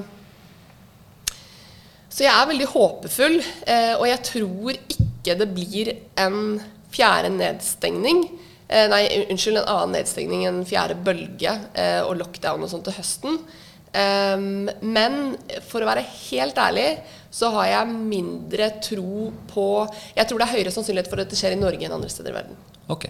Er det Eh, noe med oss som nordmenn ja, å gjøre? ja. At vi er Vi um, Vi gjør som vi blir fortalt. Ja. Ja. Ehm, mens um, rundt om i verden så er jo f.eks. dette her med eh, koronasertifikat og sånn, det er ikke en realitet. Det er enten blitt ulovliggjort, eller det er på vei vekk. Eh, og nå skal de jo fjerne det i midten av juli i Storbritannia. Eh, og, og liksom i USA så er det jo ulovlig i masse, masse delstater. Eh, og masse delstater har jo vært åpne nå i flere måneder, og de sitter jo liksom 40 000 på stadioner, og, og de har liksom lavere innleggelser og dødelighet enn noensinne. Ehm, så, men i Norge, så hvis de prøver seg, um, så er jeg ikke sikker på om de ikke klarer det eller klarer det. For da, men i andre land så tror jeg ikke de klarer det. Eh, vi hadde jo uh, Frankrike er jo veldig flink til å stå opp for seg sjøl. Ja. De tenner på ting og velter Ja, de biler. tenner på og- ja. Og eh, i um, Ikke det at vi skal gjøre det i Norge, nei, nei, men ikke. vi trenger ikke gjøre alt vi blir fortalt. Nei, og det var jo over én million i demonstrasjoner i London forrige uke. Ja. De hadde demonstrasjoner hver uke. Det leste vi ingenting om. Jo, ja. Nei, overhodet ikke. Det kommer ikke. Nei. Og det har kommet så mye forskning kommer på det hver eneste uke, men vi får ikke vite noen ting. Hvorfor tror du det? Nå avbryter jeg deg. Nei, nei, du avbrøt meg ikke. Um, Altså, for det det er så lett for For det er jo et ømfintlig tema, og jeg eh, skjønner, eh, skjønner Jeg forstår begge sider og har full respekt for begge sider. Eh, så jeg tror ikke at det er noen sånn konspirasjonsgreie nødvendigvis. Men Nei. hvorfor får ikke vi vite de tingene som skjer rundt i verden, når vi får vite så mye annet rart? ja. Dette må jo du fortelle meg. Ja, jeg tror vi er ganske sånn naive i forhold til hvordan vi er vokst opp, og, og regjeringen og NRK, de, eh, de skal vi stole på, de har all informasjonen og sånne ting. Eh, Det er eh, For det første så håper jeg vi lærer det. At vi, at vi lærer at vi ikke bare kan stole blindt på enten det vi leser avisen eller det regjeringen vår sier. At det er viktig å sjekke ting selv. Eh, For vi er jo til syvende og sist ansvarlig for oss sjøl. ja, vi er det. Men det er jo sånn oljefenomen. Fordi vi får det vi Vi er et veldig rikt land. Ja. Uh, og vi er derved Vi blir tatt vare på av staten vår. Eh, og det fører til en sånn eh, tillit eh, frem og tilbake, da kanskje. At det er liksom sånn Ok, men vi stoler på dere, og vi får det vi trenger. Og vi har jo også hatt mye mindre eh, hva, heter det eh, altså konkurser og sånn det siste året i Norge enn i andre steder i verden. Ja. Eh, så jeg tror jo også at det er derfor det har vært lite demonstrasjoner her. Fordi vi har fått økonomisk hjelp av staten. Ja. Eh, selv om ikke alle har fått det. Eh, om veldig mange har gått konkurs og mista husene sine og alt det der. Men vi får mye hjelp i forhold til andre land. da. Ja. Eh, så da blir det jo mindre grunn for å demonstrere, for, på en måte. Eh, nå mista jeg meg selv her litt. Jeg kan skyte inn med noe hvis du vil. Ja. Eh, for jeg kjenner veldig mange i restaurantbransjen, Ja. og mange eh, gründere og masse forskjellig. Og eh, en av de tingene som ser at veldig mange av de ikke har gått konkurs, Ja. inkludert meg sjøl med klinikk her og eh, min kjæreste med butikk og sånne ting, er jo fordi at folk bare brettet opp armene og gitt alt og tatt ut enda mer penger fra sine private lån fra leiligheter og alt for Ja, holde ikke sant? bedrifter oppe. Og da husker jeg at jeg ble litt grann skuffet når Erna sa at eh, eh, Men dette går jo greit. Eh, det er jo mye mindre konkurser nå enn det har vært før. Mm. Folk, det er ikke fordi at folk eh, Ingen har vært lat av de som jeg kjenner, og de Nei, nei, har nei. gønnet på og har ikke fått en eneste støttekrone. Nei, ikke sant? Eh, og bare gjort alt de kunne for Mm. å overleve. Og den biten har ikke jeg klart å lese noen steder. Om Nei, at det foregår. ikke. Og det er så synd, for det eh, når vi har en dugnad Mm. eh, og en overlevelsesevne, og folk som ikke bare gir opp med en gang fordi det er litt motstand, Mm. så er det litt synd at det ikke blir sett på. For man ser en, eh, en statistikk på at eh, konkursene Det har ikke vært mer konkurs i år enn i året før. Nei. Nei, men i helvete, folk har jo eh, gjort alt de kan. De, altså, de har Mm. Ja. nebb og klør gjort Ja. det de kan. Ja. Nei, det er derfor jeg også syns det er altså Det er derfor jeg ikke klarer å se For du sier sånn at du f.eks. respekterer begge sider. Og det er derfor jeg ikke klarer å bli med på den. For det er så mange som har eh, mista så mye. Eh, og når vi da som sjekker opp i tingene, vet at vi vet dødelighetsraten, vi vet hvor mange som har dødd av feilbehandling, Ja. vi vet hvor mange medisiner som fungerer som finnes, som eh, ikke blir snakket om. Eh, og når vi vet disse tingene her, så er det bare dårlig gjort Ja. å gjøre det de har gjort. da. Er det bevisst, tror du, eller er det fordi man tror på noe annet, holdt jeg på å si, eller eh, henter informasjonen sin fra et eller annet sted og gjør alt i beste mening, men det er kanskje ikke det beste? Huff, Jeg tror eh? Ja, nei, jeg tror overhodet ikke Jeg tror dessverre ikke noe er gjort i beste mening. Nei. Dessverre. nei. Hva er agendaen, da, tror du? Um, det er en dyp, uh, dyp greie å gå ned i. Ja. Ehm, Vi trenger ikke gå ned igjen. altså. Nei. Men eh, jeg tror at Altså Man må se litt sånn objektivt på det. da og Ok, det døde 800 stykker eller noe sånt i Norge og dette her det siste halvannet året. Eh, og så stenger man ned et samfunn og fortsetter å stenge ned samfunnet. Og så har du andre aspekter i eh, det norske samfunnet som dreper 100 ganger flere personer da, i året enn dette her, som vi ikke har gjort en dritt med. Eh, hvor er logikken? Eh, hvor er logikken? Og så er det noen som sier sånn Ja, men hadde vi ikke gjort dette her, så hadde vi jo eh, Så hadde vi jo dødd i like stor grad som andre land osv. Eh, og så setter de seg f.eks. ikke inn i hvordan man f.eks. i USA definerer et covid-19-dødsfall. Ja. Eh, og så setter de seg ikke inn i hvor mange døde i 2020 sammenlignet med 2019. Nei. De setter, de setter seg ikke inn i disse tingene. Eh, og når media da eh, kjører bilder av brennende lik og fulle sykehus og sånne ting, så bruker faktisk nordmenn det som en kilde for som, å basere sin egen frykt eller ikke frykt på de tingene. Ja. Uh, uten å sjekke hvor mange var det egentlig som døde i India da. Ja. Og det var jo Jeg så jo tallet nå for litt siden, og det var jo eh, Altså, det er jo trist at mange dør, men eh, det var jo ikke så voldsomt som man fikk et inntrykk av, i hvert fall. Altså, vi, vi, det er det mennesker gjør. Vi Og det, dør. det hører vi vel ikke så mye om, men de har jo begynt å medisinere med De begynte i Mektin, ja. De Ja. brukte det. Ehm, og så er jeg ikke helt oppdatert de siste ukene, men de, jeg lurer på om det hvert fall noen steder så slutta med det igjen. Okay. Um, men det er jo, vi har masse kliniske studier, masse data på Ivermectin og HCQ, som er 60 år gamle medisiner, som har typ ingen bivirkninger. De har vært, i, eh, de Ja. har vært testet en del. Ja, si har vært sånn. testa så mye. Ja. Uh, og så når vi ser det så godt at det, det fungerer, og det blir liksom alle som snakker om det, blir eh, sensurert bort. Kontoene blir fjerna fra YouTube, fjerna fra Facebook, fjerna fra Twitter. Twitter. Eh, Åh, Titter hadde vært en bra app. ja. Mye koseligere. Titter. Du kunne bare titte på forskjellige ting. ja, ja, det var jævlig kult. Beklager. Nei, nei, nei, det går fint. Nei, så liksom, så står man jo selvfølgelig igjen og tenker at det ikke finnes en kur. Eh, men, og med de tingene, når vi vet at det finnes flere kurer, eh, og vi vet lav dødelighet, eh, så, så, så begynner man å stille spørsmål til, spørsmålstegn til om det er en agenda. Ja. Fordi hvorfor? ja, du blir usikker, du stoler Ja. ikke helt. Nei, da stoler jeg ikke på det. Eh, hvorfor skal vi holde tilbake medisin som fungerer? Ja. Som blir brukt i masse deler av verden, og det kommer hele tiden. Eh, så det, er, det, det ser mye bedre ut enn noensinne, absolutt. Men da er det noe som skurrer for meg, når det holdes tilbake. Og de, hadde jo, de starta jo å snakke om HCQ i Norge i fjor sommer. Eh, og så plutselig så kom det en sånn stor studie, jeg vet ikke om du husker det, det var sånn VG-oppslag og sånn som bare Nei, det funker ikke allikevel. Det er en stor Howard-studie som viser at det er farlig og gir hjerteinfarkt og sånn. Mhm. eh, og så bare fant jeg den studien, gikk gjennom den. Jeg bare Her er det noe som skurrer. Ja. Og så en uke etterpå så var den trukket tilbake. Ah, ja. Og den studien der, det var grunnen for at en del norske leger, slutt og WHO Vi skal ikke begynne å snakke om WHO, drit i det. Ja. Eh, slutta med de kliniske studiene de hadde på HCQ, f.eks. Oh, ja, så den bare stoppet en prosess som Ja. var riktig, for de Ja. skulle bruke eh, ressursene i en annen Ja. retning? Så det er liksom Det er veldig mye avtaler, det er veldig mye penger. Eh, så det, det gjelder å sjekke litt de tingene og kjenne at eh, kanskje det er noe som skurrer, da. Ja. Ja. Eh, jeg kjenner jo det at eh, Det har jeg holdt på med lenge. Mm. I kanskje 15-20 år. Prøvd å lese mindre aviser. For jeg Ja, kjenner det aktiverer herregud. meg. Ja. Eh, men så er det jo også at du har lyst til å få litt overblikk av hva er det mesteparten av folk får med seg. Altså hva er Mm, det som blir servert. ja. Og jeg syns jo Jeg vet jo ikke om det på noen tidspunkt blir en liten sånn her rydderunde når vi ser litt med konsekvenser av ting, men Mm.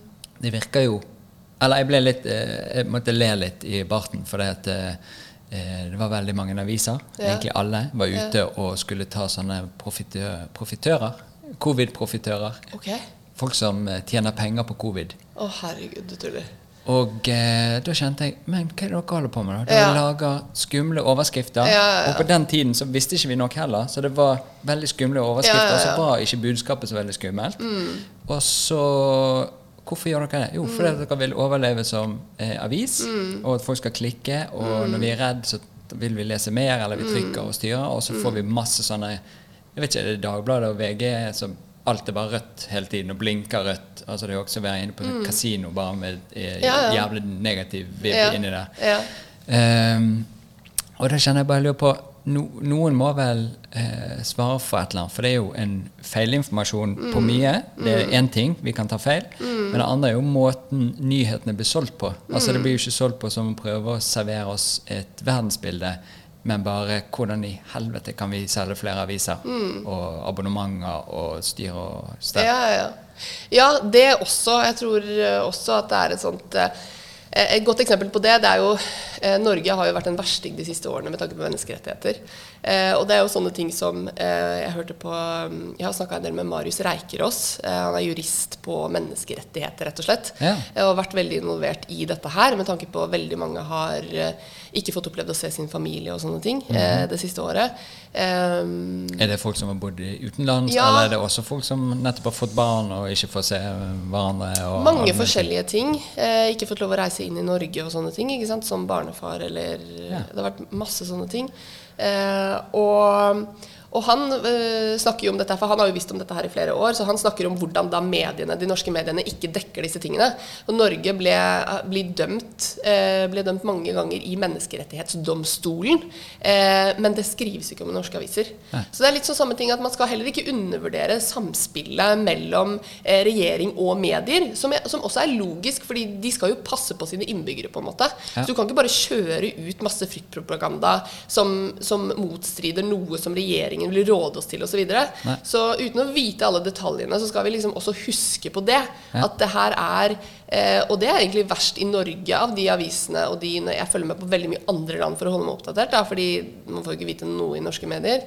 Um, og da ser man jo at der er man jo mye flinkere til å ha flere sider av saken eh, med tanke på mediene. Da. Mens her i Norge er det liksom Du ser Det er det her eventyret om covid-19 som kjører. Eh, Det eneste stedet du eh, kan lese oppdatert vitenskap på covid-19, det er sånne Steigan, Morgenbladet, eh, sånne mindre steder, da. Ja. Så jo, med tanke på det nå, Bare sånn god nyhet. At nå i går Ja. så plutselig så skrev både Aftenposten og Dagbladet tror jeg, om hvordan Norge ble dømt i Menneskerettighetsstolen det? eh, nå tre ganger denne uka. Ja. Eh, og det er 20 saker på gang eller noe. Eh, så jeg ser jo eh, absolutt bedring i at det liksom flere aspekter av historiene kommer fram. Eh, men, men mediene beskytter 100% Norge, regjeringen, eh, budskapet. Ja. Så det må vi huske i dette her. Eh, men eh, jo, et godt eksempel da, med, med tanke på sånn der, de som sier at ah, det er så mange som dør, og herregud, liksom, uten å sjekke hvor mange som egentlig dør hvert år og sånn, så kom det jo eh, Så var det en, eh, en sak i Portugal forrige uke hvor en dommer avgjorde at For de går gjennom eh, statistikken. Vi vet jo det at sånn ca. 1% av de som døde av covid-19 i USA, de døde av andre ting.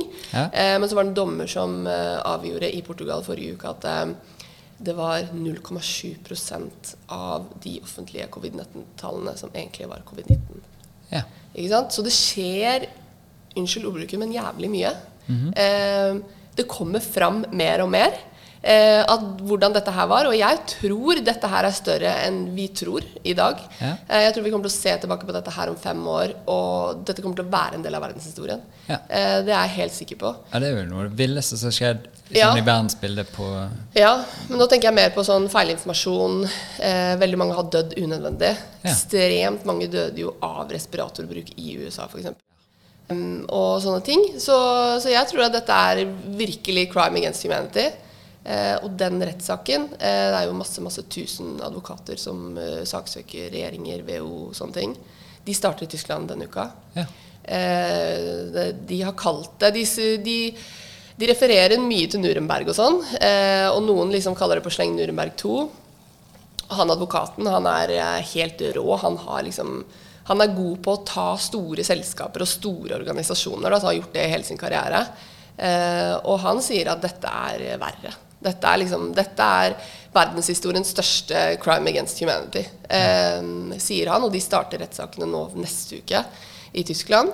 Eh, så jeg tror det neste året blir eh, veldig opplysende. Jeg tror dessverre veldig mange kommer til å tenke Oi, shit, jeg ble lurt. Eh, og jeg tror veldig mange kommer til å sitte i retten som vi ikke tror kommer til å sitte i retten. Ja, jeg, og jeg er håpefull. Ja, Ja. da håper jeg, for det at, eh, vi bor jo i Norge. Ja. Og eh, det som jeg syns er det skumleste her, er jo at vi har blitt veldig polarisert. Altså, Mm. Det er vanskelig å kunne ha en, en, eh, en samtale Mm. om dette temaet, mm. for eh, det er veldig ofte veldig på den ene siden. Veldig. Og hvis du nevner noe som er litt utenfor det, så er du en eh, konspirasjonstype. Ja, absolutt. Og sover med sølvpapir på hodet Ja, ja. og er livredd for alt mulig. Ja. Og det syns jeg er kanskje det dummeste som har skjedd med denne perioden. Ja. Selvfølgelig utrolig trist at folk dør og alle mulige sånne ting, men bare at vi som folk blir så polarisert. Mm. Det er så trist, for vi, vi er jo på lag, for faen. Vi skulle i hvert fall vært det. Ja. Ja. Uh, Og bare ja. for å ta den eh, Og det du sa, dette med at uh, kanskje noen kommer til å at det går et lys opp for Mm. at man har blitt lurt, eller føler seg lurt, eller man skjønner at vi har gjort noe med en feil informasjon eller Mm. intensjon. Så håper jeg også i den polariseringen som vi har fått etablert nå, Mm. at vi kan likevel være ydmyke og så si at 'jeg ble lurt', eh, Ja. og trenger ikke holde på, Ja. på, på standpunktet. Men det er jo også en litt sånn en vanskelig greie for, for oss mennesker. Ja. Når vi har blitt har den forståelsen av noe, Mm. og så endrer hele bildet seg, så bare holder vi på den likevel.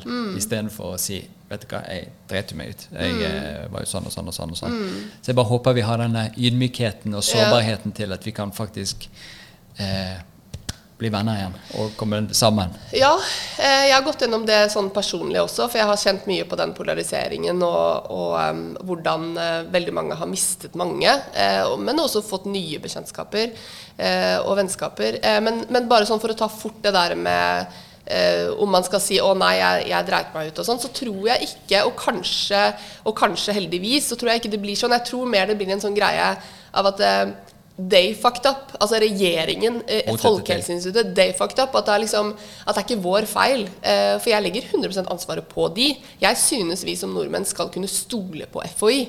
Eh, jeg syns virkelig det, og de har jo ikke tatt med seg noe oppdatert vitenskap. Det står jo til og med Men det er sånn De står på pressekonferansene liksom med munnbind og sier at vi skal bruke munnbind, og så står det på FHI sine sider at det fins ingen dokumentasjon for at munnbind fungerer. Eh, så det er liksom Det er sånn Så, så de, har, de var flinke i starten, men så skjedde det tydeligvis en twist. Eh, som gjorde at de ble med på lasset. Og du så jo til og med Camilla Stoltenberg stå jeg tror det var i fjor sommer, hvor hun var veldig plutselig underdanig Bent Høie. Eh, hele kroppsspråket og liksom Og jeg tror faktisk hun brukte noen sånne ord som liksom Sa jeg det riktig, eller et eller annet? Det var et eller annet oh, ja. sånn. Så skjedde en twist i fjor sommer, for de Ja. sa jo først munnbind funker ikke, fordi munnbind funker ikke. Det har aldri fungert. Eh, så liksom eh, så jeg tror mer det blir en sånn derre Ok, de dreit seg ut, de var slemme. eh, De eh, får saker på seg eh, for å ha gjort dette her. Og det tror jeg egentlig gjør det lettere for oss som medmennesker å si at eh, Ja, men vi, vi hørte på vår regjering. Ja. og i Norge så er vi vant til at det er ok å gjøre. Ja, og det er jo det vi har gjort og vært Ja. flinke til. også. Vi er jo verdensmestere på å følge de rådene vi har fått gitt. Ja, vi har det. Men jeg tror i forhold til polariseringen så tror jeg liksom det er Jeg vet ikke, jeg tror også det er litt sånn en evolusjon som skjer nå. Eh, og jeg tror kanskje at det er en del av den. Ja, ok. eh, så jeg tror at Jeg var også lenge lei meg og merker at det er eh, relasjoner jeg har mista, og relasjoner jeg må beskytte meg mot eh, av, for å holde oppe min egen energi. Og jeg orker ikke sånn derre prat om det greiene der. Eh, jeg orker ikke sitte og høre på hvordan vi eh, blir med på det der. For jeg vet hvor mange som dør og lider av det. På verdensbasis mest, da. Um, og uh, unger hjemme fra skolen og de Altså, jeg bare syns det har vært helt forferdelig. Uh, mest globalt, da, selvfølgelig. Ehm, men jeg tror at uh, det er en del av greia, og at det er kanskje noen som aldri våkner. Mens jeg tror at dette her gjør at mange har våknet og får eh, et nytt syn på livet, og kanskje endrer seg litt. Eh, lærer mye. Eh, så jeg tror kanskje at eh, vi deles kanskje litt i to framover. Ja. Det kan hende. Eh, og det kan hende det er sånn det må være.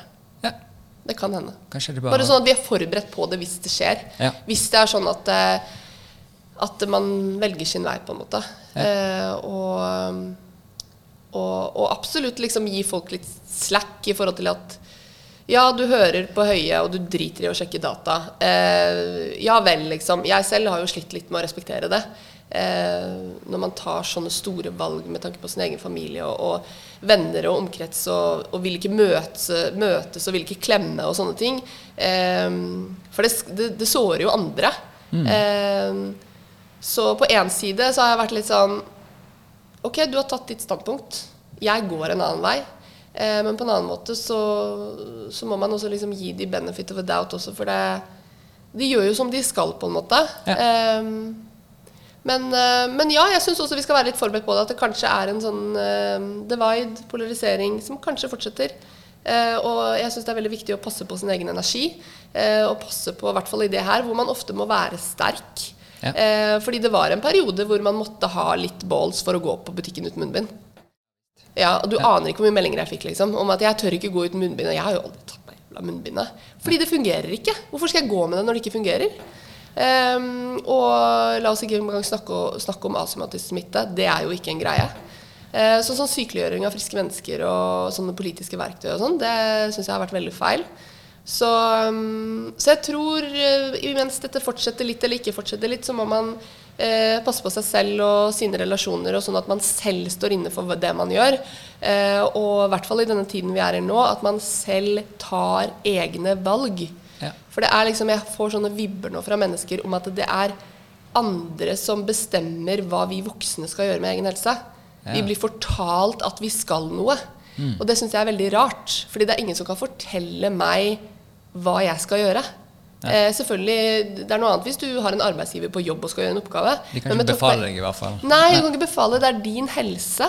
Ja. Eh, så denne her eh, At du liksom Nei, nå skal du gjøre sånn. Eh, det er veldig mange som er usikre og redde for valg som foregår nå, da. Helsevalg. Så da må jeg bare si til folk at du bestemmer over din egen helse. Ja. Og det er ingen andre som gjør. Til syvende og sist, vi har ansvar for oss sjøl og Vi har det. våre. Vi har det. Ja. Eh, jeg klarer ikke å la være å se på den fine pynten på armen. Er det ballonger? Ja, vet du hva, jeg begynner nesten å grine når du sier det. At Å, ja. eh, Nord hadde, sønnen min hadde siste dag i barnehagen i går. Ja. Eh, og da var jeg der noen timer med han. Eh, og eh, de er så fantastiske, de som jobber der. Eh, så jeg syns det er veldig trist å dra fra de nå. Og veldig jeg vet at han er veldig glad i de. Ja. Eh, så da var jeg der halve dagen med han i går, sammen med de. Eh, så da hadde jeg med noen ballonger som jeg drev og blåste opp og sånn. Og så gikk ikke disse an å blåse på. Og så gjorde jeg sånn her, og så endte den bare her i går. Og så syns jeg det var så koselig, for da kan jeg huske liksom den siste barnehagedagen hans eh, i Oslo. Det er helt nydelig. Vi har jo bare vært med hverandre nå i en og en halv time, og det var først nå jeg skjønte at det var ballong. Jeg trodde det var noe sånn der, oh, det er en sånn frekk pynt. Ja, ja, ja. Og så er det Nei, to det er sånne som du kan lage om til hunder og Ja, ja, sjørøversverd. Ja, det er det, Det er altså. helt fantastisk. Ja.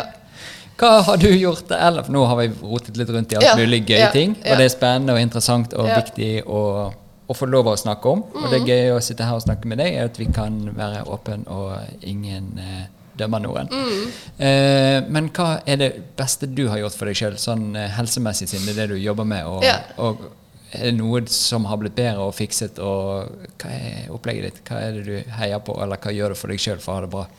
Um, det jeg gjør for meg selv, det er at jeg Jeg har alltid spist eh, bra, eh, og så vært veldig obs på hvordan jeg har det, hvordan, hva mat gjør med meg. Da. Jeg er veldig opptatt av å liksom hele tiden hacke seg oppover i livet. Hvordan kan jeg bli en bedre bedriftseier? Hvordan kan jeg bli en bedre mamma? Hvordan kan jeg bli en bedre karrierekvinne? Hvordan kan jeg bli en bedre kjæreste, datter osv.? Eh, og så tar jeg egentlig og prøver å tilegne meg og tillære meg, tilegne meg kunnskap, sånn at jeg kan bli bedre. Eh, og, og da deler jeg jo også ofte det med kundene mine, selvfølgelig. Da. Så plutselig er det en ny greie fra, fra meg, f.eks. Nå det siste året så mm, har jeg begynt å jobbe med Malin Staff, f.eks. Med tanke på pustemønstre og eh, tygging, kjeve. Eh, allergier. Jeg var jo avhengig av nesespray. Ja. Eh, så nå er liksom det en greie for meg, i tillegg til andre ting. Og så da deler jeg litt det med kundene og sånne ting. Så mine beste life eh, hacks, det er å spise råvarer eh, og faste. Ja? Eh, enten om du tar en sånn 24-timers eh, noen ganger i måneden, eller bare mitt, mitt beste tips er jo egentlig bare å vente med frokosten hver dag. Ja? Ja. Ehm, av tusen årsaker som vi ikke skal gå inn på nå, men det handler om helse. Det handler ikke om ikke spise for å gå ned i vekt, bare sånn at jeg får påpekt det. Ehm, få i deg salt. ehm, få sol på kroppen. D-vitamintilskudd uh, vitamin D-tilskudd kan aldri erstatte solen. Nei. Men nå er det jo veldig vind og sol er alt. Ligger med skrukken opp i luften. Og, Er det det? Ja, nå ligger folk og soler skrittet. Er det sant? Ja. Ok. Har ikke fått med det? Nei, overhodet ikke. Det, med, eller? Nei. Det står ikke i VG, men Nei, det står andre steder. Men det er en sånn greie, for det er noen som mener at eh, menn spesielt får mer testosteron, og du har høyere opptak av D-vitamin når du ligger med- i sånne babypose med rumpen rett i været. Ok. Eh, og så har jeg lest litt om det. Ja. Og det kan være at det er like stor effekt å få, få eh, infrarød varme mot skrittet. Ja. Du trenger ikke ligge ute i solen Ja. og vise rumpen og tissen. Okay. Eh, men at eh, også spermkvalitet og sånn, og sånn så lenge du ikke overdriver det, Ja. eh, har en positiv greie. Og det er jo noe som er litt ute og sykler for tiden. hos veldig mange. Eh, nei, nå bare ble så, jeg, hver gang jeg kommer på det, så ser jeg de som ligger og holder seg i tærne med rumpen i været. Og så er jo det gøy. Har du sett det i praksis? Nei, jeg har bare sett bilder. Ja, ok. Eh, men det er ikke sikkert det er nødvendig.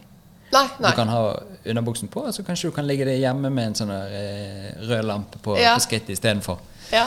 Sorry, Nei, det går bra. Nei, nei, det, er, jo- det er jo eh, ja, interessant. Eh, ja, også dette her med solfaktor. Det er jo et eget fag. Eh, Så det jeg gjorde, det er at jeg brukte noen år på å Fordi solfaktor ikke bare blokkerer jo all produksjon av vitamin D og alt det andre det helsegunstige som kommer med solen, eh, men du har jo i de fleste solkremer forferdelig mye uheldige ingredienser. Ja. Jeg så en liste nå. 26 av de største solfaktorprodusentene i USA har fått eh, beskjed om at dette er ikke greit, fordi at det er større sjanse eller lik sjanse å få kreft ved å bruke solkremen enn å ikke bruke solkremen. Og det, jeg tror kanskje, for vi snakker litt om solkrem. Jeg er jo ikke mot solkrem, eller annet vi skal beskytte oss når vi må, men mange har en sånn idé om at vi ikke kan være i solen i et sekund engang uten Nei. at vi eh, må smøre oss. Men vi skulle kunne klare å være i hvert fall en halvtime ute i, i sterk sol uten å bli solbrent. Hvis Ja. ikke så er det noe annet som ikke funker. Ja, ja, hvis jeg skal gå over Hardangervidda for jeg skal hjem til Bergen, Mm. så eh, kan det være greit å smøre seg i nakken med noe, sånn at ikke du ikke stryker med oppå der og blir Mm. Helt sånn eh, bacon. Ja. Ja. Nei, men det er jo litt derfor også vi har altså Vi må huske at solen har vært en del av vår, vår revolusjon i, i flere millioner år. Eh, og vi, har jo, vi, vi begynte jo ikke å få hudkreft før eh, jeg vet, Når var det? ja, 60-tallet? 50-tallet? Eh, samtidig som solkremen kom. Eh, så det er veldig mange aspekter med det her. Men, men vi må også huske på at det er kanskje en grunn for at vi fikk morgen, kveld, vår og høst. Mm. så det viktigste da når våren kommer, det er jo å eksponere huden sin for sol da f.eks. tidlig om morgenen, når solen er svak. Ja. Og da bygge seg opp et grunnlag som gjør at du ikke blir solbrent når du skal gå over Hardangervidda. Jeg jobbet med en fra et afrikansk land, Ja. som jeg ikke husker hvor er. 2000 meter over havet et eller annet sted. Og hver morgen så gikk alle damene ut med, med babyen Ja, og pakket ut. Og så lå de der under soloppgang i en halvtimes tid, og så pakket de det inn igjen og begynte den der Nettopp. tilvenningen til, til sol. Synes det, det ene er jo at det er kjempekoselig. det Ja, bare ligger masse kids rundt og koser seg. Men det, jo, det gir jo bare mening. Det gir veldig mening. Ja. Så det er veldig Det der er farlige greier, altså. For dette, det er eh, ekstremt farlig eh, å ikke ha soleksponering i løpet av livet. Det, er, det øker livslengden radikalt. Eh, på, også på alle helseaspekter. Det er hjertesykdom, det er kreft. Eh, alle risikoer går ned da, når du, har, eh, når det eksponeres for solen. Har de funnet mekanismen, eller det ene er jo denne D-vitamin som vi snakker om, Ja. men det er jo garantert andre ting som foregår mange her også. ja, nei, men Her vet vi så lite, for dette er jo så nytt. Ja. Så det eneste vi ser, det er jo det at det, når du sammenligner da, når du får produsert ca. like mye D-vitamin fra sola som å ta da D3-tilskudd, det er det man skal ta hvis man skal ta tilskudd. Eh, jeg anbefaler bare sånn en P, så anbefaler jeg bare for å være helt sikker, så anbefaler jeg gravide f.eks. å ta D3. Bare sånn at jeg har sagt det. Eh, men ellers er solen 100 det viktigste kilden til vitamin D. Men det de ser i de studiene, det er det at eh, du får ikke alle de helseeffektene selv om du har like mye vitamin D. Eh, så det er masse vi ikke vet. Eh, men eh, da må vi bare se på det. Da, at de som eksponeres for sol, de lever lenger og har det bedre og alt dette her. Og samtidig litt sånn logikk med tanke på at vi alltid har vært i solen. Solen har alltid eksistert. Vi har alltid eksistert. Så vi får ikke plutselig hudkreft av noe som vi har vært eksponert for i to millioner år. Nei. Vi gjør ikke det. Så, men det som også er farlig med solkrem, det er at du ofte er ute lenger.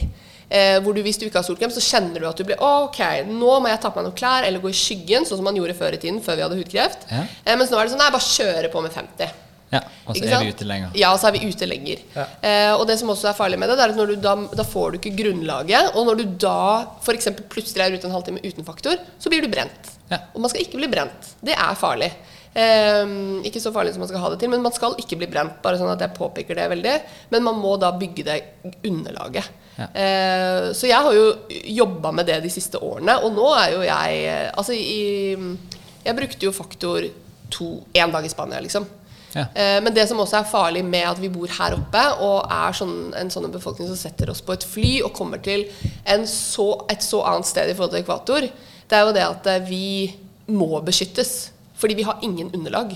Eh, Så når vi da drar til Spania sånn som vi gjør, sånn som man ikke gjorde når man ikke hadde hudkreft, bare sånn at jeg har sagt det også, for det er jo en unaturlig greie å plutselig dra fra Norge hvor du typ ikke blir brent, og så plutselig er du i Spania, og så er mye solen mye sterkere. ja. ja. så må man da Ja, da, den beste beskyttelsen er jo klær og skygge. Ja. Eh, og det gjelder jo også for barn. Men uh, da vil jeg anbefale å bruke litt tid på det sånn i livet. At man uh, bruker Norge, for det er masse sol i Norge også. Starter om morgenen, og det gjelder også barn. Uh, starte om morgenen, og så holde på sånn at du stopper før du blir brent. Eh, så det tok jo noen år for meg før jeg nå ikke blir brent. Ja. Eh, og så har det også masse å si hva du spiser. Eh, tomater eksempel, har en aminosyre som er dritviktig for at det ikke blir brent. Ja. Eh, og flerumettede fettsyrer har vist seg å være kjempeviktig. Ja, for da er cellestrukturen eh, Ja. mer robust og tåler ja. det istedenfor tøysefett, tøysefett, som jeg kaller det. Og så disse tingene med å For vi har reseptorer i øyet som snakker med huden. Så når du tar på deg solbriller hele tiden, Ja. så klarer ikke øyet å si fra til huden om at nå må du beskytte deg. Ja. Så derfor er det også et poeng å lære seg uten solbriller. Men det er ikke dette egentlig litt som vi av og kanskje glemmer at alle ting vi skal bli bedre på, er jo stress for kroppen. Altså Det er jo noe som stresser han fordi vi er ikke gode på det. Mm. Ja. Så hvis vi skal trene, så vet de fleste, eller de lærer det i hvert fall veldig fort, Mm. at eh, jeg har ikke trent på et år. Jeg kan ikke begynne der jeg sluttet for et år siden. For da får jeg enten en skade eller jævlig vondt, og så får ikke. Ja. jeg trent på lenge. Ja. Eh, også dette med bakterier. Hvis vi reiser til et annet sted, så Ja. er det ofte sånn at lett, ja, begynn litt å puste hendene i vannet før du begynner å drikke. Da. Spørs hvor lenge du, altså, du må bare utsette deg litt for ting for at du skal fortelle kroppen din hva du vil. Mm. Og det er den Hvis du skal bli lur, altså hvis du skal bli god i matte, Mm. så er det jo greit å begynne med noen enkle mattestykker, ikke bare hoppe rett på Ja, hvis ikke ja. du er helt vill i nikkersen Ja. og skjønner alt med en gang. Ja. Um, så jeg må begynne med første mattestykke og jobbe meg opp. Ja. Og, sammen med lesing og dansing og Mm. søvn også til og med. Og så har vi bare fjernet det begrepet når det kom til sol. Mm. For da skal vi bare kunne være ute hele tiden og tok en snarvei. Ja. Og trodde at det ikke kostet noe. Det er jo også fordi at vi nå sitter inne hele dagen og jobber. Det gjorde vi jo ikke før. Da var vi ute som en naturlig del av livet. Og da fikk vi den soleksponeringen sakte, men sikkert. Så når man var ute liksom tre timer om dagen, sånn som vi var jo mye mer ute før, og ikke satt og jobba inne foran dataen vår hele dagen, så fikk man jo den derre naturlige grunnlaget fra april. Så ble det juli. Da hadde du grunnlag, for du hadde vært ute i tre måneder med svak sol. ikke sant? Ja. Så det er vanskelig i dagens samfunn å gjøre det der riktig. Det er det, altså. Men eh, bruk litt tid på å bygge opp et grunnlag, Fordi ellers så får du ikke produsert vitamin D. Du, du får ikke det, bokstavelig talt. Så det er bare å Og jeg har, eh, vi har gjort også en kjempeinnsats i forhold til sønnen vår også, sånn at han eh, da får et underlag, sånn at han får muligheten også til å produsere vitamin D. Ja. For hvis du kjører 50 på, på, fra barnet ditt er nyfødt, så har han da Da- Da må han ha 50 hele tida. Ellers blir han solbrent. det du har trent opp til. Det du har trent opp til. Ja. Og da får han aldri produsert vitamin D. da. Nei. Han gjør jo ikke det. For han kan ikke være ute i sola en halvtime, for da blir han brent, for han har ingen underlag. Så det er liksom, det er ikke, sola er ikke farlig. Den er farlig i for store mengder, men da går man i skyggen eller kler på seg. Alt er farlig for store mengder. Alt er farlig for store mengder. til det som ikke det som skal være bra. Ja. Ja. Så derfor så tenker jeg også Norge er et bra land å leve i, for da har du faktisk muligheten til den der veldig svake sola. Både på vårparten og morgenen og sånn, som er eh, ikke så sterk som f.eks. i Spania. da. Det er sikkert vanskelig og vanskeligere å um, bygge opp underlaget til en eh, baby i Spania enn i Norge. Ja. Fordi det er så sterkere sol. ikke sant? Ja visst. Og det kan jo være det er noen gener inni der også som gjør at eh, Ja, man stiller litt sterkere. Og, Absolutt. Ja. Det kan det. Uff.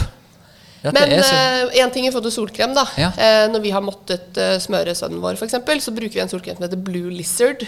eh, Som jeg bestiller fra iHerb. Eh, Ja. Så den anbefaler jeg med tanke på innhold. Ja. Eh, sånn at det ikke er noe drit i det, som jeg kaller det. Og Ja. vi vil i hvert fall ikke ha noe giftstoffer på ungene våre. Nei, Så den anbefaler jeg. Bare sånn at det er sagt. det var en veldig fin anbefaling. Ja, For noen ganger må man smøre barna når de skal være på stranda i åtte timer. og Ja. sånn der. Ja, det er jo det. Ja, man sant? eh, gjør jo ting når du må et eller annet. Det er da man tilpasser seg.